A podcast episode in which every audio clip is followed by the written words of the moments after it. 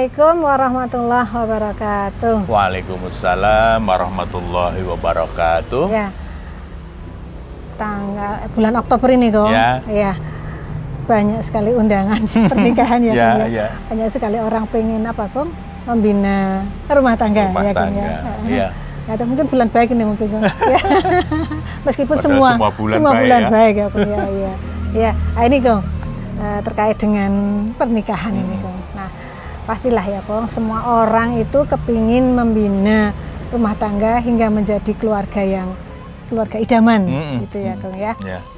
Eh, tetapi tidak semua orang bisa Kong. Hmm. Ya, bisa jadi ada yang belum bisa, Hmm. ada yang sudah bisa. Ya. Nah, sebetulnya keluarga idaman itu seperti apa toh Kong? Ya. Ya.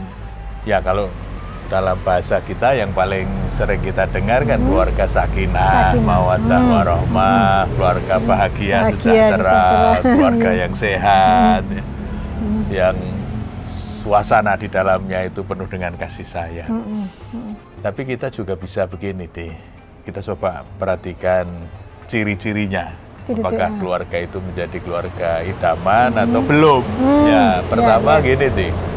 Biasanya kalau keluarga itu menjadi keluarga yang baik, ya, yang bahagia, keluarga idaman itu pertama pasti di dalam keluarga itu ada aturan main yang jelas. Hmm. Dan semua anggota Aturan main. keluarga itu taat dengan aturan main yang sudah disepakati. Iya. Sebab kadang kan begini, Ti, kalau yang belum itu yang satu ke utara, yang satu ke barat, mungkin anaknya ke kiri, yang satu lagi ke kanan.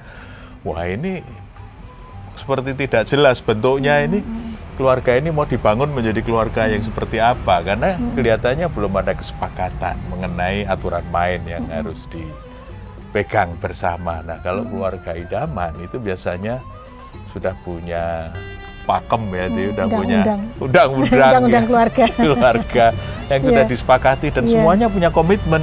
Misalnya memprioritaskan keluarga. Hmm. Berarti kalau ada tabrakan acara atau tabrakan apa yang dinomorsatukan Keluarga. keluarga. Misalnya begitu itu bagian yang disepakati. Itu Yang pertama. Nah, yang kedua cirinya itu hubungan itu harus berkualitas dan itu dianggap penting. Jadi harus saling menjaga hubungan. Ti. Jadi kalau Antara di dalam pasangan, antara anak, pasangan, anak, mungkin juga dengan mertua ya, dengan keluarga besarnya. Iya, iya, iya. Jadi hubungannya itu hubungan yang sangat baik. Karena apa? Itu dianggap penting. Itu menjadi bagian yang harus diusahakan bersama. Karena sudah berniat untuk hidup bersama kan, namanya berkeluarga kan. Hidup bersama dalam sebuah keluarga, maka relasi itu harus dijaga. Sebab kalau ada masalah di dalam relasi itu biasanya nanti efeknya bisa ke mana-mana. Bisa mempengaruhi ketenangan dalam bekerja, bisa mempengaruhi ketenangan batinnya itu karena relasinya tidak lancar. Nah, maka keluarga idaman ciri yang kedua adalah hubungan dalam keluarga itu dianggap penting. Sehingga memang dijaga Ya, betul, dirawat betul. ya. Pertama berkualitas dan masing-masing itu menganggap ini penting dan harus dijaga bersama. Dan sampai ada masalah di sini karena kalau ada masalah dalam relasi biasanya nanti merembet ke mana-mana. Iya. Nah, yang ketiga berkaitan dengan relasi tadi, supaya relasinya bisa terjaga dengan bagus, maka komunikasinya itu terbuka antar anggota. Jadi satu sama lain itu ya pikiran, perasaan, aspirasi itu dikomunikasikan dengan baik. Nah, kalau satu sama lain bisa mengkomunikasikan dengan baik, maka yang lain akan bisa tahu, oh pasangan saya aspirasinya seperti ini, yang tidak disukai seperti ini, sehingga satu sama lain menyesuaikan diri itu menjadi lebih gampang. Kalau Saling komunikasinya ya, terbuka, iya. saling menyesuaikan, semuanya harus harus menuju kepada nilai-nilai yang tadi undang-undang yang disepakati Iya. bersama tadi itu yang harus diperhatikan. Nah karena terbuka konsekuensinya ya berbeda pendapat itu boleh. Hmm. Karena begitu komunikasi dibuka, kan semuanya lalu diungkapkan. Pendapat, ya. Nah, Mm-mm. harus disadari bahwa ya berbeda pendapat itu biasa. Mungkin karena perbedaan usia, misalnya anak dengan orang tua dalam banyak hal sering berbeda pendapat karena memang Zamannya berasal dari generasi yang berbeda. wong baru pasangan saja ya yang mungkin usianya relatif tidak terlalu jauh terpautnya. Tapi kan karena ini dari keluarga besar yang berbeda, latar belakangnya berbeda, pasti nanti juga punya cara pandang yang berbeda. berbeda. Jadi kita biasa saja Itu kalau biasa. misalnya ada perbedaan pendapat. Yang penting apa? Ya kayak rapat tadi. Dari semua perbedaan pendapat itu kemudian kita coba mengerucut untuk keluarga ini mana yang mau kita ambil sebagai pendapat bersama kan gitu tuh. Kekompakan itu kan kemudian muncul ketika satu sama lain setelah mengungkapkan pikiran dan perasaannya lalu dicari mana yang terbaik lalu disepakati. Nah, inilah pendapat keluarga. Awalnya tentu pendapat masing-masing, tapi lama-lama setelah didiskusikan lalu menjadi pendapat bersama. Iya, yang iya. penting, yang ciri yang kelima itu saling mendukung Saling mendukung. saling mendukung, Hmm. saling mensupport. Jadi satu sama lain kalau pasangan lagi sibuk, ya yang satu harus mengambil alih Hmm. untuk mencukupkan apa yang mestinya dia lakukan. Jangan sibuk sendiri-sendiri, ya kan? iya, itu iya. tidak saling mensupport. Nah, kalau saling mendukung, insya Allah apa pun yang terjadi itu bisa di cover bersama, ya antara pasangan dengan anak-anak. Iya, iya. Nah, asik ya, Kong. Eh, mudah-mudahan banyak keluarga keluarga itu bisa berhasil. Iya, Ya, keluarga ya. idaman ya, Kong ya. Karena apa, Kong? Masing-masing anggota itu saling mendukung, Saling ya, mendukung, Kong ya. Sehingga iya. punya apa tadi, Kong? Undang-undang. Undang-undang keluarga. Iya, iya. Iya. Tapi Kong, bisa jadi nih Kong, dalam satu keluarga itu eh, ada musuh atau salah satu, salah dua Eh. anggota keluarga itu menjadi musuh. Ya. Bisa jadi Belum anaknya, bisa memenuhi harapan. Belum bisa memenuhi harapan. Ya. Dia juga bisa jadi anaknya, bisa jadi suami, bisa jadi Ya. istrinya. Ya, gitu. ya. Ya. Musuh dalam selimut. Musuh dalam selimut. Iya. Iya, Nah, gimana itu? betul. Ya itu sesuatu yang wajar sebetulnya. Oh, Karena kalau kita baca surat At-Taghabun ayat 14. Allah menyatakan dengan statement yang sangat tegas. Ya ayyuhalladzina amanu inna min azwajikum wa auladikum aduwallakum. Oh. Jadi Mm-mm. ayatnya itu jelas sekali. Wahai orang-orang yang beriman, sesungguhnya Pasangan. di antara pasanganmu itu dan juga anak-anakmu aduwallakum. Ada loh yang jadi musuh. rasanya kayak loh ini kok jadi malah kayak musuh dalam selimut. Nah, kalau kita gagal untuk membangun sebuah keluarga yang harmonis, keluarga idaman, nah, ada mungkin salah satu atau salah dua ya pasangan kita atau mungkin anak-anak kita. Itu bisa terasa bagi keluarga itu ini kok beda sendiri, Iya, iya. ini kok nggak bisa masuk kompak dalam satu komunitas keluarga yang idaman Ininya tadi. beda, visinya mungkin beda. visinya beda, cara Hmm, berpikirnya cara- mungkin iya. berbeda, yang tidak bisa dikomunikasikan dengan Hmm. baik, sehingga terasa ini adu walaku. Hmm, Ini menjadi Musuhnya. musuh. Nah, tapi apa pun ya. Kalau kita lihat surat An-Nisa ayat pertama ayat An-Nisa 1. ayat satu ya. An-Nisa ayat 1. Allah berfirman begini, Wattaqullaha tasa'aluna bihi wal arham. Kita diminta oleh Allah untuk selalu bertakwa kepada Allah dan kalau minta itu juga minta kepada Allah dan menjaga hubungan Hmm, keluarga ya. hubungan yang baik dalam keluarga. Innallaha kana 'alaikum raqiba.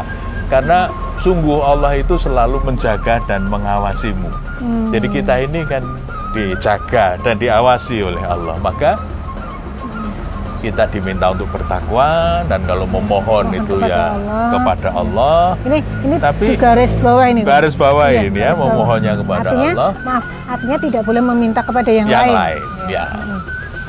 Wal arha dan kita diminta untuk menjaga hubungan baik dengan keluarga dengan saudara Kasih sayang itu kan ya. penuh kasih sayang sayang. ya penuh kasih sayang jadi apa pun yang terjadi mestinya tetap harus baik dengan keluarga. Meskipun jangan berbeda. hanya karena berbeda jangan karena kemudian tadi adu walakum dalam posisi seolah-olah menjadi musuh tapi tetap harus diperlakukan dengan baik. Jangan seperti ungkapan lama misalnya ya sudah Radio kehilangan kehilangan telur satu. Oh ini dapat telurnya saja susah ya kan? Kehilangan telur satu ya ndak apa-apa kalau orang Jawa mengatakan silang-ilangan dok siji ya. Itu yang apa daun Nah, tidak ya. nyobek itu. kalau jadi daun nggak mau nyobek, nyobek, kalau jadi jadi, air nggak mau ngambil, ya, itu itu kan menunjukkan putusnya silaturahmi.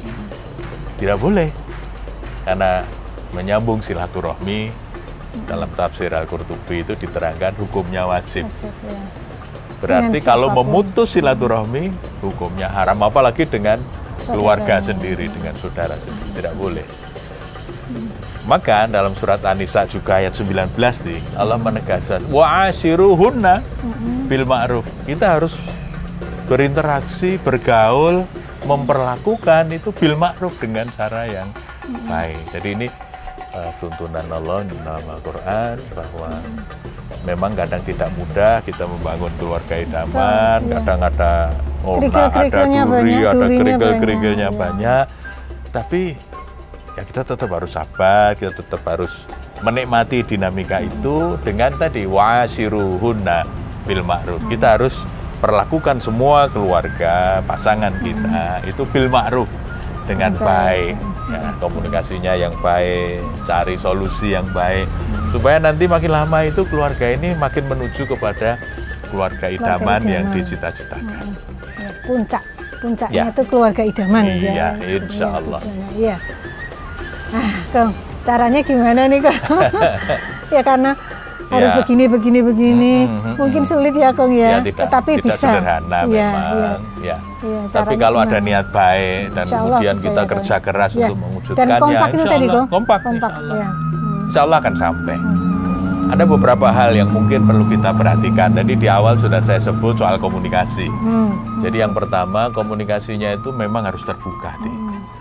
Jadi openness itu penting sekali dalam keluarga. Komunikasi ya. Ya jujur, terbuka, ya sampaikan terus terang, cari solusi.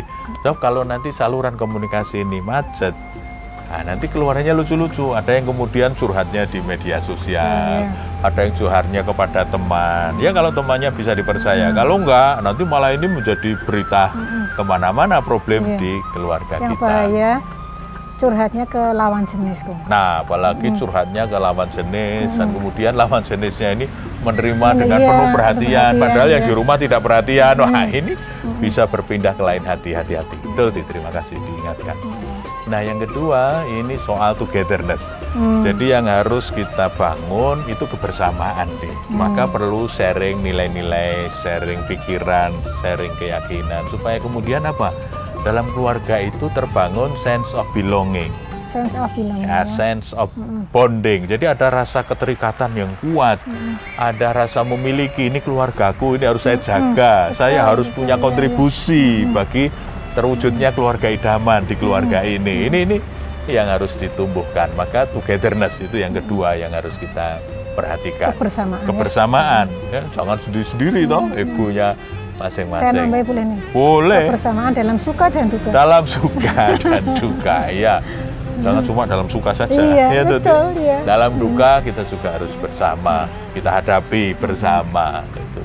sehingga keluarga ini ada sense of belonging yang kuat nah yang ketiga ada sharing activities Hmm. jadi ada kegiatan bersama yang dilakukan oleh anggota keluarga, spending time together ya. Kita ini bisa ya menghabiskan waktu bareng-bareng Iya. keluarga, mungkin hanya ke mana sebentar Bisa atau jadi hanya mungkin makan mungkin hanya di halaman. Ya, ya, bisa ya, ya? ini bisa.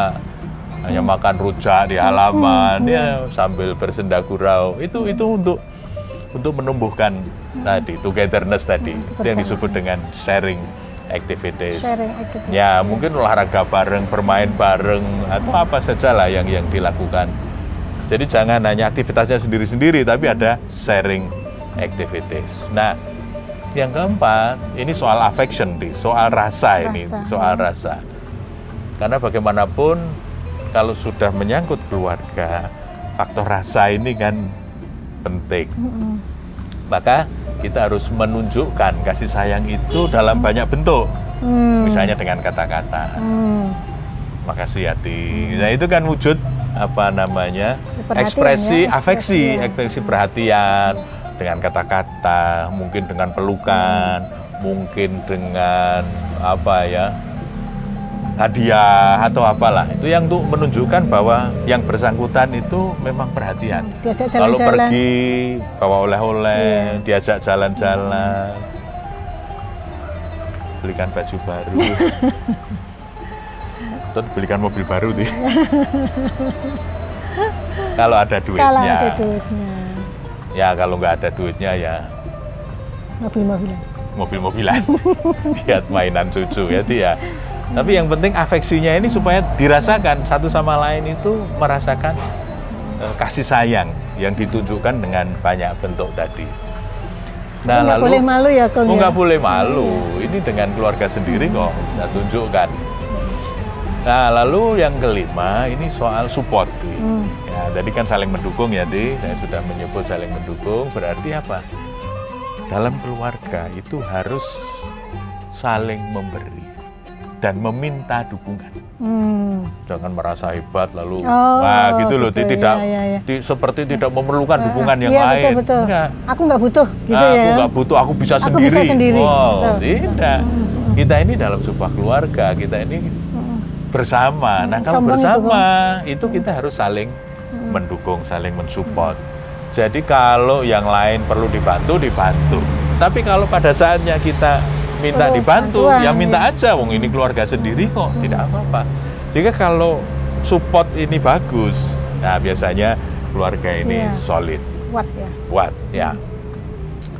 Lalu soal acceptance, Hmm. soal penerimaan. Jadi yang harus diusahakan itu usaha untuk saling memahami, saling menghormati, saling mengapresiasi. Ya dengan plus minusnya Hmm, masing-masing, dengan pilihannya masing-masing.